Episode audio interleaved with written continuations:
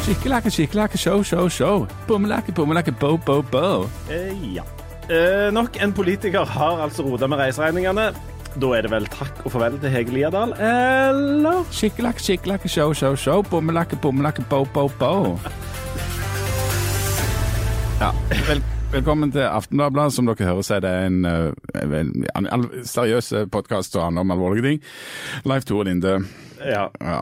Eh, du, eh, Jan eh, Zahl. bare- Det russeropet der, det har du eh, Det er, hvis vi skal være helt ærlige, Ja. noen år siden du brukte det sånn på ordentlig. ja, men det sitter ennå. Det, ja, det, og det er jo bra. Det tyder på at preseniliteten ikke har kommet så langt.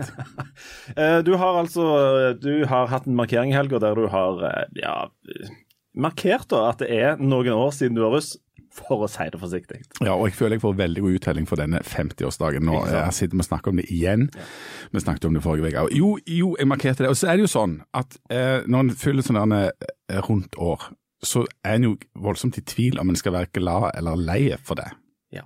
Du virka nokså glad. Jeg var jo på dette, dette stevnet Ja. um, som du arrangerte. Um, et av de.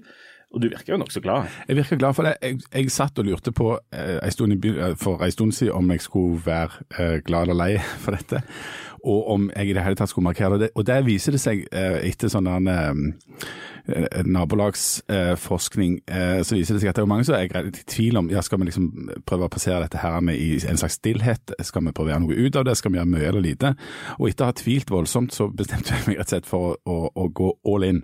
Så jeg har feira dette da tre dager til ende, og det kan jeg egentlig anbefale til folk. Ja, ja. Du? Du har Ja, altså Først så var meg og hun som fremdeles orker å være gift med meg em, et mirakel av ei dame. et mirakel av ei dame. Um, vi var på, på, på fin restaurant uh, den første dagen. Uh, dag to hadde jeg en uh, fest der du var, og på dag tre hadde jeg familieselskap.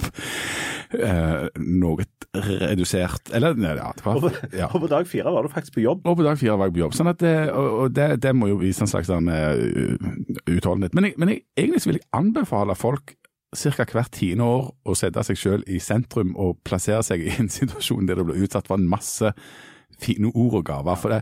Og så resten av, av de ti år så kan du egentlig gå rundt og, og bli hunsa og ha det sånn middels og fylle livet med hverdager. Du, En av de tingene som, eh, som jo skjer når vi feirer sånne ting, og vi runder runde år og sånt, så samler du sammen det du har av venner, gode og dårlige, de som du føler du er nødt til å invitere, pluss noen, eh, til en, til en fest. da. Og Da får du en slags oppsummering òg over egen omgangskrets. Ja, Eh, det er jo, Dette er jo et sosialt minefelt. Du Dette er et sosialt minefelt. Men um, når du skua ut over disse folka da, som hadde takket ja til å komme på denne, eh, på denne festen som du hadde på lørdag, var du da fornøyd med på en måte de folka du omgir deg med, eller merker du at det er noen hull og noen folk som du tenker åh, herlighet. Nei, altså dette, ja, ja, hva skal vil du jeg skal svare på dette? Nei, jeg lurer på om, om du tenker Når du så de folk Når du så de folka rundt deg der, var du, er du liksom er- tenker du at ja, det, her er gode greier? Ja, jeg mener jeg, jeg er veldig godt fornøyd med det. Altså, jeg mener at um, en, uh, en skal holde seg med, med venner og folk som en, som en stort sett liker. da. Uh, men du merker jo òg i en sånn, for at Ideelt sett så, skulle, så er det sånn at du skulle hatt et lokale som var fire ganger så stort, fordi at du skulle hatt hele livet på en måte representert der. Og, men det du til slutt ender opp med, er jo, er jo et, et utvalg fra noen sånne deler av livet. Men jeg har vært i ganske mange 50-årsdager eh, etter hvert. Eh, og det er forskjellige konsepter. Det er noen som liksom starter nærmest i barndommen, de har med seg hele liksom, barndomskompisgjengen og, liksom, og de fra ungdomsskolen og alt opp gjennom sånn. Så det er jo um, det er jo liksom sånn, at Livet består av noen faser. Jeg har bodd i noen forskjellige byer. Jeg har møtt ganske mye folk opp gjennom. Um, så det er um, Det kan være en slags oppsummering av livet der, som sitter i et sånt et rom som det der, eller så kan det være et eh, mer sånn øyeblikksbilde av hvor du er nå. Men du er nokså fornøyd med de folka som du da Ja, jeg er ganske godt fornøyd med deg. Jeg, eh, det må jeg til- må tilstå. var det noen av de som var der som du var russ sammen med? Vi skal snakke om russ om en liten stund. Var det noen av disse som du var russ sammen med på En. Bryne? En. Oh, ja. En, en russ. Uh, og det, liksom, sånn at Den lengst tilbake som jeg hadde på den festen utenom søsknene mine, det var en som jeg var russ med. Um, og vi hadde ei utrolig bra russetid. Uh, men litt sånn rart. altså Jeg var da altså russ av alle plasser på, på ikke, alle, Det er ikke så rart, for i og med at jeg er derfra, men jeg var på altså, Bryne videregående skole. Så det var kjempelig rart. Ja, kjempelig rart i det hele tatt. Um, så der, der uh, holdt vi nå på, um, og jeg var til og med uh, redaktør i Russavisa. Uh. Jeg måtte jo bli journalist av det da til slutt. Og så um, feira vi en del og, og, og sånt, så dette, men vi gjorde et sånt internt opprør mot russeknuter, for det hadde det vært et visst sånn styr om, og mye sånn negativ oppmerksomhet og sånt, men som endte opp med at vi ikke Jeg tror ikke jeg tok en eneste russeknute. Du da? Nei, jeg var jo òg litt sånn teit. Litt sånn russ og antiruss samtidig. Jeg var jo med, men, øh, men det var ikke på en måte all verdens. Jeg var egentlig med på ganske mye, men jeg var jo litt sånn halvtamme, sånn som jeg har vært hele livet. Eh, jeg var nesten kristenruss, men fant ut at jeg ikke for Det var liksom Det ble for mye til meg, til meg for meg, sånn tamskap. Men så føyk vi rundt og var med på sånne russeting, men jeg, jeg jeg syns jo det var middels. Ja. Jeg må jo si det. Jeg, tror, jeg syns vi, vi, hadde enormt kjekk russetid, husker jeg. Eh, jeg liksom tenkte tilbake på det som at det var et slags nærmest høydepunkt. Ja. Jeg var russ 89. Når var du russ? 99. Ti år der. Så sitter det et par purunge folk her. Nemlig. Og nå skal vi over til, til, til ungdommen. Eh, Håvard, eh, du har så mange etternavn at jeg, jeg, klarer ikke jeg, jeg klarer du å liste opp alle sammen? Nei, jeg klarer ikke det. Det er Tanke, Larsen, Knutsen. Ja, så stopper vi der. Men dere liker jo veldig godt å slenge på Olsen Nilsen Jensen ja. i tillegg. Ja. Du er eh, journalist og har eh, den siste tida skrevet en del om russen. Eh, russen, er, er, det sånn i år som det har vært alltid, at russen er verre enn noen gang? Jeg vil ikke tro det. Altså, jeg vil egentlig si at nei, ikke i det hele tatt. Jeg tror bare ungdommen blir snillere og snillere. Men så er det vel egentlig alltid de som finner på noe hekkan, som dere kaller det på denne sida av landet, mm -hmm. som får uh, oppmerksomheten. Så det er nok de, de, aller, aller færreste. Dette er en gjeng med kjekke, unge, snille folk som bare har lyst til å ha det, ha det kjekt. Og som ikke kan rydde etter seg, blant annet. Det, det er jo en klassiker hvert år. De har sånn russedåp, og så rydder de ikke. Ja, men det som er greia her, er jo at uh, nå er jo jeg så heldig og fortsatt har noen uh, Eller har ikke levd så mange år som dere. Så jeg går ja, takk. jo for Takk skal du ha. Når var du russ sjøl? 2011. Å, oh, herregud. Russ 11. Så det er ikke så lenge siden. Dette er det yngste jeg noen gang har hatt. Du, du er den yngste personen vi kjenner. Ja, Men det du sier om rydding på Vaulen ja. Har dere vært i Stavanger sentrum eh, søndag morgen i 60-tida? Det prøver vi å unngå så godt vi kan. Ja, jeg har sett bilder. For at eh, Kåre på 43 og Margit på 55, eh, de er ikke så mye bedre sjøl. Nei. Nei, det er de ikke.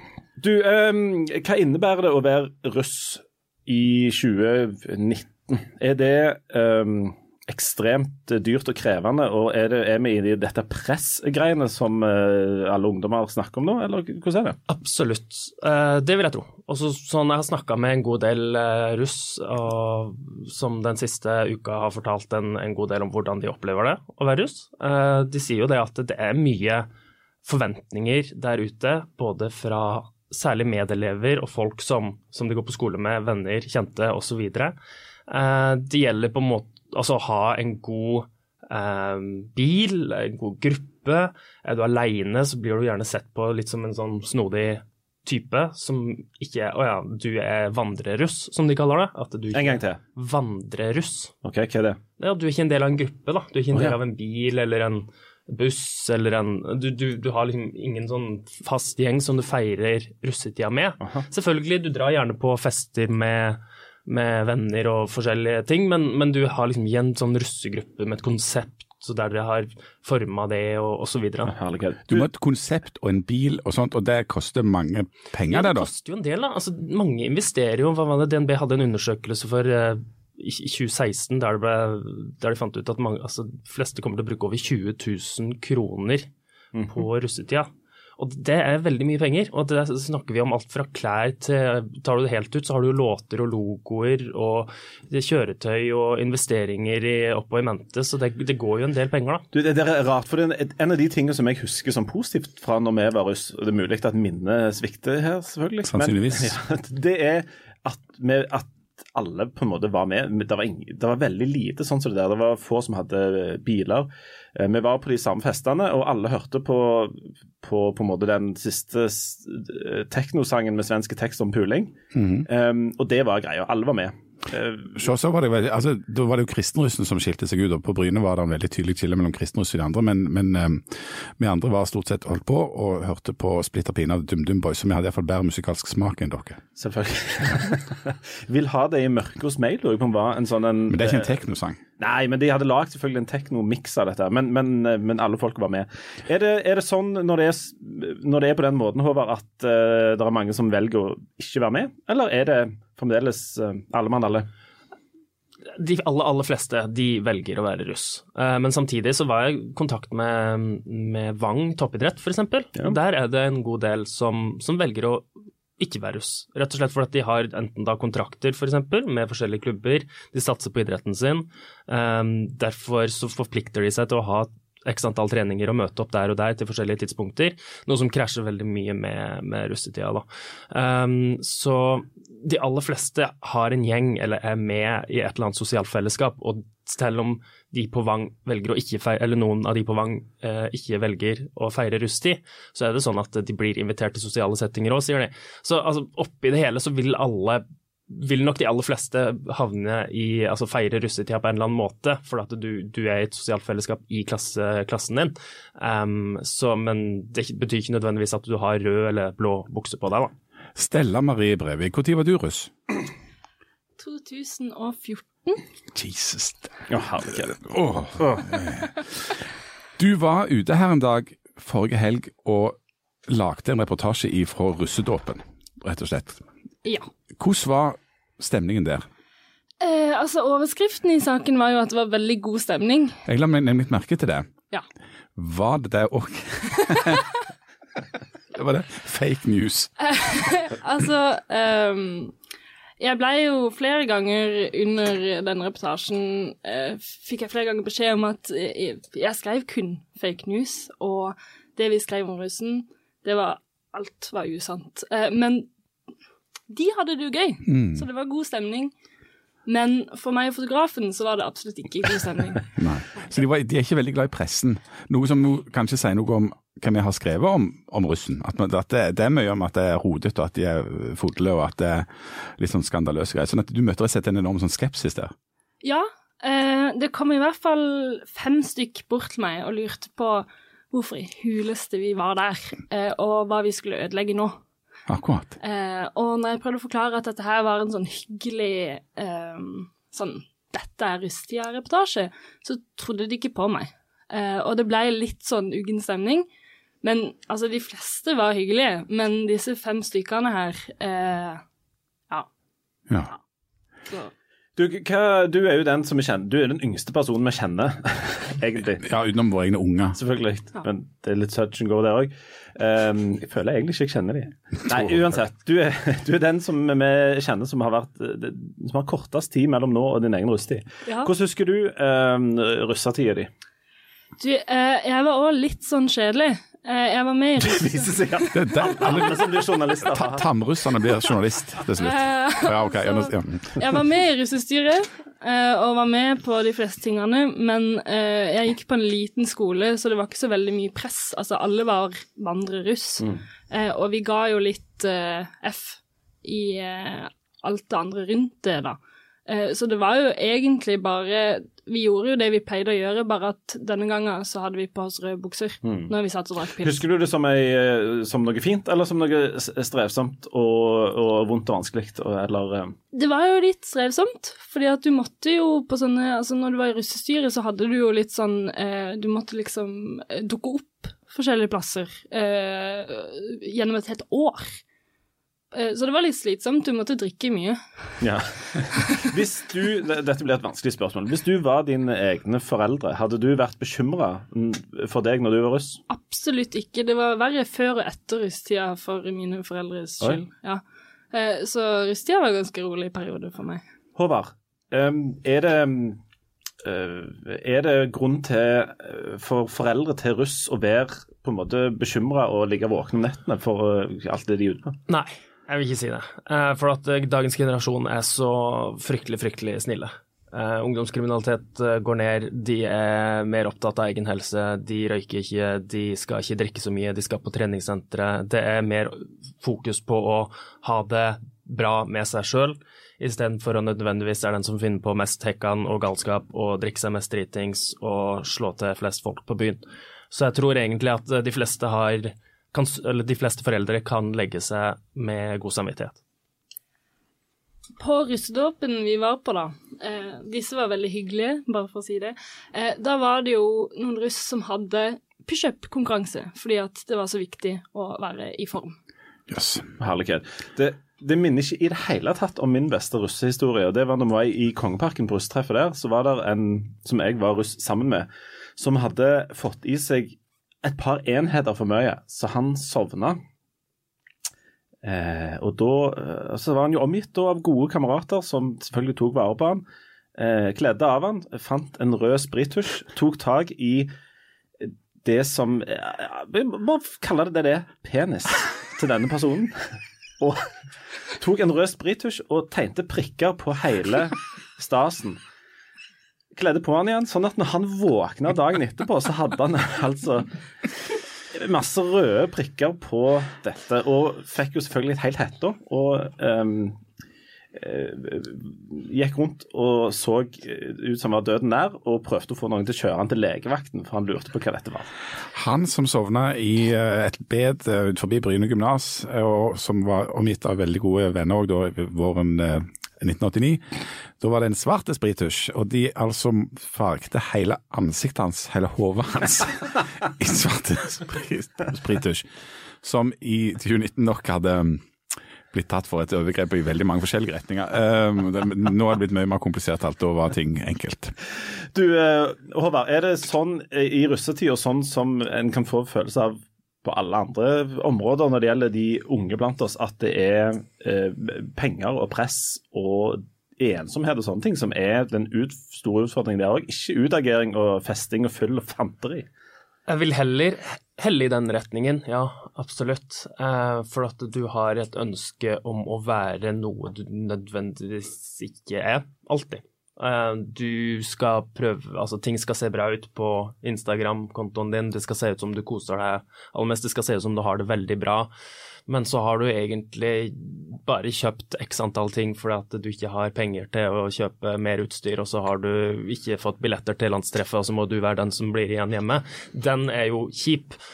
Men samtidig så tenker jeg det at det er viktig å egentlig bare tenker, gi litt blaffen, da. Jeg, jeg er veldig sånn. Jeg kjenner at russetida er bra, men jeg tror det, blir, det er mye bedre å bare ha den sammen med de nærmeste og de du er glad i, som sitter i klasserommet og som du bryr deg om, og som er gode kompiser, og så kan dere finne på ting istedenfor å bry seg om at uh, shit, uh, den genseren, den gikk i vasken, den tenker du ikke på om sju år. Uh, og landstreffet, ja ja, det blir en bra opplevelse, men eh, du, du klarer å snike det unna, det òg.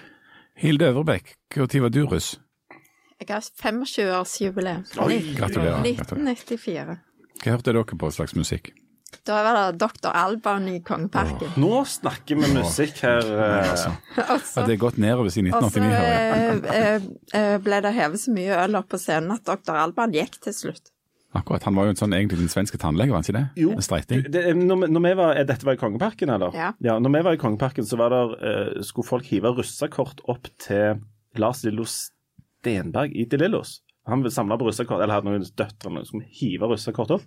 Og der, eh, Han som jeg var, var sammen med der, han tok feil lomme. Så han tok ikke den lommen med russekort, men den lommen med telefonen. Så han pælma mobiltelefonen sin rett i skallen på Lars Lillo Stenberg. Um, så det var jo litt artig. Ja, det var litt artig. Ja, ja, Ja. Men husker du russetida som noe fantastisk flott? Ja ja, det var Ja. kjempegøy. Var det det, ja? Ok. Ehm, tenker du at dine unger en gang skal få lov å være russ, eller? Å ja ja, det, det må de gjerne. Vi var til og med på russetreff i Kristiansand med en bil, eh, en lastebil som var bygd om til en russebil med et slags hus bakpå. Så vi kunne sove inni dette huset. Vi hadde et par, par eh, madrasser inni der og noen soveposer og greier. Så eh, sneik vi oss inn i Dyreparken og var på russetreff der. Jøss. Åh, nei, det er all Nei, slags. det er eh, ja. vi, vi lar russetida ligge litt. Grann. På eh, tirsdag så skrev Aftenposten om eh, Hege Liadal, Arbeiderpartiets eh, nestleder i Rogaland. Som altså har uh, rota med reiseregningene. Eh, Aftenposten har funnet reiseregninger for over 60 000 kroner, der Liadal har vært et annet sted enn det hun har oppgitt. Eller hun har fått, mye, fått penger for å være hjemme på hytta eller andre private reiser. Eh, hun har erkjent dette og lagt seg flat og sagt hun skal rydde opp. Og hun har òg eh, eh, vel tatt en pause fra sitt verv i Rogaland. Eh, dette har vi jo eh, vært borti før, ja. Ja, Hun er ikke den første. altså Tidligere så har eh, Aftenposten avslørt Helge André Njåstad fra Frp og Mashar Keshvari fra Frp, som òg har da altså der det er en uh, diskrepans mellom det som blir levert av reiseregninger og det som uh, en kan dokumentere er den faktiske reiseaktiviteten og på en måte utgifter. Og Hilde Ørvik, du, i, altså, du jobber jo som kommentator og er innom på en måte norsk politikk. Hva, hva, hvordan i all verden kan dette her skje gang på gang? Det, det er jo et tillitsbasert system, eh, fordi en politiker reiser jo veldig mye. Og, og de har jo dekka eh, hjemreiser, og de har dekka fordi de skal ut og møte folk. Eh, så i prinsippet så er det jo et veldig bra system, fordi at de, de skal da få muligheten til å f.eks. hvis de vil reise til Odda og møte industriarbeidere, så skal de få lov til det. Og da da er det jo Altså, det, det ville ikke vært veldig effektivt, og det ville vært veldig dyrt å innføre et system hvor du skal sjekke hver eneste regning eh, som de reiser for. Men, men det er jo sånn at de aller fleste av oss jobber jo på plasser der du reiser, og eh, Stortinget er en arbeidsplass. Og når vi reiser her i Aftenbladet, som på en måte også er en slags tillit, altså det er rom for å reise her, så må vi jo levere likevel bilag og regninger og, og, og kvitteringer som viser at vi har vært ute og reist. Og det Ja, må, men og det må, men våre reisinger må jo godkjennes Ja, må av godkjennes, en sjef. ja. Det må Ja, ikke stortingsrepresentantene sine. Ja, det er jo litt forskjellen, at det, det der er nok et ledd som mangler der, men, men likevel, vi reiser på diett. Det er ikke noe Altså, du kan spise en gratis middag, og så kan du si at eh, du har betalt for den. De stoler jo på at du, at du fører det riktig. Du kan kjøre bil til, ja, til Odda, eh, og ikke kjøre så langt. Det, men men der, folk stoler jo på at du er ærlig, og, og spesielt for politikere er jo det er jo basert på tillit å være politiker i det hele tatt. Eh, og det er jo den tilliten de bryter. Eh, og det går jo ut over alle de andre politikerne òg, når eh, enkeltpersoner sånn som dette har utnytta systemet til sitt eget beste. Og snakker vi om på en måte å ta seg ut på, på Instagram og sånt interessante her sånn metodemessig, det er jo at, at Aftenposten da har sjekka disse reiserekningene, og så har de jo gått inn på de sosiale mediene til disse politikerne, altså både Instagram og, og Facebook og sånt, og der er det jo ja, Når det da er bilde fra altså eksotiske reisemål, og eh, enten hytte eller det er fjell eller Østerrike eller hva for noe, der folk står og smiler, så er det altså levert reiseregning på noe annet. Det er jo ja, det er mm, Jeg vet ikke helt hva dette sier noe om, men det, det, Jeg syns jo det er veldig snålt uh, å sitte og se, uh, se sånn, Som hun påstår, Liadal, at hun har sittet og bare sett på kalenderen. Men jeg, jeg, jeg syns jo det er litt snålt å ikke huske da at du har vært i Badgastein i Østerrike den helgen, eh, og tro at du har vært en annen plass. Beyoncé-konserten i København var heller ikke så bra. Sannsynlig. Nei, ikke sant. Du, er, disse sakene har fått litt ulike eh, konsekvenser. Altså, Keshvari er vel under Han er under politietterforskning for bedrageri? for bedrageri. Han, for han har vel eh, på en måte innrømmet å ha altså konstruert dette feil. Eh, Hege Haukeland Liadal har sagt at dette er rot, altså at hun har, det har hopa seg opp en masse regninger, sånn at hun har altså bare gått gjennom på en måte kalenderen etterpå og prøvd å rekonstruere hvor hun har vært. Så, det, så, så liksom det, ja, altså, men, men, eh, Men det er ingen- er det noen forskjell på hva slags konsekvens det får, om det er rot eller om det er altså, Nei, men, eh, men, men eh, altså, det må de jo finne ut av, for, fordi at det, det her har jo Denne saken har jo nettopp sprukket, så vi vet jo ikke om hun kommer til å, å bli politietterforska, eller hva, hva det handler om. Så hun kan, hun kan jo si at det er rot, men er det det da? Det, det er jo det de må finne ut av. Om det er det eller ikke. Så det er jo litt tidlig å konkludere på akkurat det. Men dette blir en ny sånn en test um, av når vi skal hogge hodet av folk, og når vi skal gi dem en, en, Ny sjanse, Ja, ny sjanse, ja. ikke sant? Um, ikke, og politikerne må være ekstra påpasselige med disse tingene, nettopp pga. at de lever av tillit og for tillit, og de er valgt, ikke sant? Ja. Um, hvorfor ser vi stadige eksempler på at eh, de roter til disse tingene her? Jeg vil jo, altså, jeg vil jo tro at de òg eh, Altså, i, i va- det vanlige livet, vanlige folk, jeg vil jo kunne glemme ting og, og skrive feil og Ikke deg, da, Tror jeg men, men oss andre. Eh, men, men det er jo noe med det at, eh, at du er du, du har jobbet deg opp, og du har jobbet opp den tilliten eh, som politiker. Og, og da syns jeg egentlig at det, du må være ganske påpasselig eh, for at du ikke gjør sånne ting som dette her. Eh, det blir jo eh, og, Men dette her er jo er jo òg veldig flaut, sånn fordi det, det som må stå i det etterpå. Sånn han Keshvari, det gikk jo ikke så veldig godt med han. Um, eh, og, og de følgene det får for familie og personlig altså, uh, Jeg ville jo personlig tenkt meg litt om før jeg begynte å rote meg opp i sånne, sånne saker. Men får det politiske konsekvenser? Altså, det skal være eh, kommune- og fylkestingsvalg til høsten.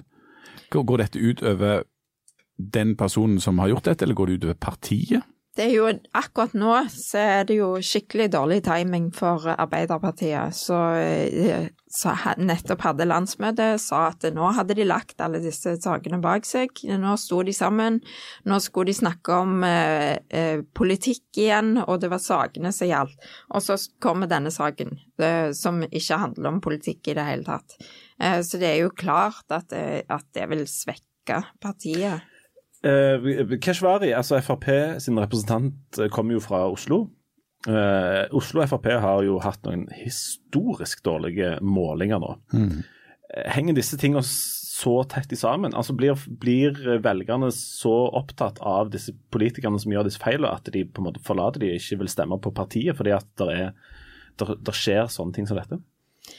Ja, til en viss grad, tror jeg, men jeg, jeg tror òg at sånn generelt så svekker det tilliten til politikere. Den, den, eh, du ser jo i kommentarfeltene hva folk skriver, at uh, vi har valgt uh, disse personene inn, og, og så gjør de sånne ting. Altså det, det, det vil jo svekke egentlig demokratiet til syvende og sist, hvis du ikke stoler på de politikerne som sitter og styrer landet. Og, og, og disse sakene om f.eks. denne om eh, Hege Liadal, der har vel vi måttet stenge kommentarfeltet hos oss, fordi at vi ikke For at folk skriver til dels ganske ja, stygge ting. Ja, det er, men det er helt uakseptabelt, syns jeg, å, å drive på og mobbe folk eh, og skrive eh, nærmest trusler og sjikane mot folk. Eh, Hvis et barn gjør det på skolen, så tar vi tak i det og kaller det for mobbing. Eh, Og det, det er det jo i dette tilfellet òg. Hvis du driver på eh, og hetser og sjikanere folk på nettet, så er det jo akkurat det samme som mobbing. Eh, så, og det er ille i seg sjøl. Men de må få høre, altså de må tåle å høre eh, kritikk. Eh, ikke hetsing, men kritikk må de tåle å høre. Det, det bør få konsekvenser på en eller annen måte eh, med at partiene bør kanskje ha en gjennomgang av hvordan de skal eh, føre reiseregninger, hvordan de skal takle dette her. Nå hadde jo Arbeiderpartiet altså landsmøte i helga, og sånne landsmøter de har forskjellige formål. De skal nå vedta en del politikk, men det skal òg være en mulighet til på en måte få en del medieoppmerksomhet, i et sånn eh, flying start inn i valgkamp og alt det der, sånn at det skal være et sånn løft. Og så går det eh, tre dager, så kommer dette her. Hva bør Arbeiderpartiet gjøre nå? Ja, ja, ja si det. Nå bør de i alle fall gå gjennom denne saken og, og finne ut hva som egentlig har skjedd. Eh, og så må de jo sørge for at eh, de gjør sånn som med metoo, at det får konsekvenser innad i partiet.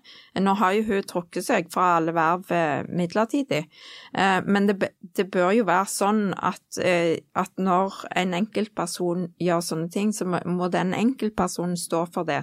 For dette er jo ikke noe som partiet nødvendigvis driver på med, men da, da må partiet vise at de tar avstand fra, fra den type ting. Tror du Hege Liadal er ferdig som politiker nå? Eh, ja, det tror jeg. Da skal vi runde av. Um, husker dere hva som sto på russekortet deres? Ja. Jan Zahl? Jeg er jo uh, uh, ateist. Og dermed så var det Du er det som i mitt miljø heter hed... hedning, ja. Fortapt hedning. Hedning, jeg er hedning. Så jeg hadde på mitt uh, russekort et bibelvers. Åh, nydelig. Lukas 24,42. Oh, du som er sønn av en misjonær, Ja. vet du hva som sto der? Nei. I Lukas 24, 42, dette kan alle slå opp i Bibelen, der står det De ga ham et stykke stekt fisk. Det er sånn klassisk hedninghumor. Det funka fint, det. Håvard, eh, hva sto på ditt Det verste var at vi skal til Bibelen, vi òg. Selvsagt. Selvsagt. Bøkenes bok. Bøkenes bok. Eh, helt ærlig så husker jeg ikke ordrett eh, hva som sto der, men eh, som russ med trang økonomi, utflytter fra foreldrene allerede som 16-åring og måtte leve en god del hånd til munn i denne perioden, så var det jo sårt med penger til drikkevarer. Så det at Jesus gjorde om vann til vin, var jo en eh, egenskap du gjerne kunne ønske deg, da, i alle Ja. fall en måned, halvannen. Så, så det, det gikk noe på det, men ordrett hva det var, det, det kommer jeg ikke på, selv om jeg var russ for åtte år siden. Akkurat. Stella, hadde du russekort, eller hadde dere bare sånn snap som dere sendte rundt når du var russ, kanskje? Eh, pulsen min økte ganske mye når du Ja. Vil, du- vil du røpe hva som sto? Ja, men jeg kommer nok til å bli mobba i etterkant. Ja, det, men det kan du ta gift på. Kom igjen. OK. eh, fries before thighs. Bad boys for life. Ja, det tror jeg Hvor mange inntil nå er det verste. Ja, det er det verste jeg noen gang har hørt. Med mindre Hilde kan toppe dette. Tar du det igjen? Nei, fordi at jeg, jeg, jeg fant russekortet mitt her en dag, eller her ei uke, og så ga jeg det til han eh, yngste sønnen min. Og da så jeg jo hva som sto på det, men jeg, jeg, jeg tror det var et eller annet med å tenke og si ting, eller et eller annet. Men, men- det, var, det var veldig vagt. Ikke så veldig dypt. Og Leif Tore Linde, nå er det jeg sånn tror trom, ikke det var dypt i det hele tatt. Ja, nå er det jeg, tromme, trommevirvel for ja, deg jeg hadde to, men jeg, jeg- jeg tror at på, på mitt på liksom det som var mitt russekort, sto det dette kortet gjelder bare på torsdager. Ja, Surrealistisk allerede da. Nei, det var så dumt, dette. Men eh, da gir vi oss, og, før, eh, og det som vi gjør helt til slutt, når vi gjør oss, det er at Stella Brevik nå skal si en gang til hva som sto på hennes rosekort, for det var så bra. Kom igjen. Så snakkes vi eh, snart. Eh, hør veldig godt etter nå, og få inspirasjon til et sånt visdomsord dere kan henge på veggen hjemme. Vær så god, Stella. Kom igjen. Ok. Fries before thighs. Nei, jeg, jeg, oh. Jo, kom igjen. Fries before thighs. Bad boys for life. Med et firetall. Snakkes. Oh, snakkes, ja. Ha det.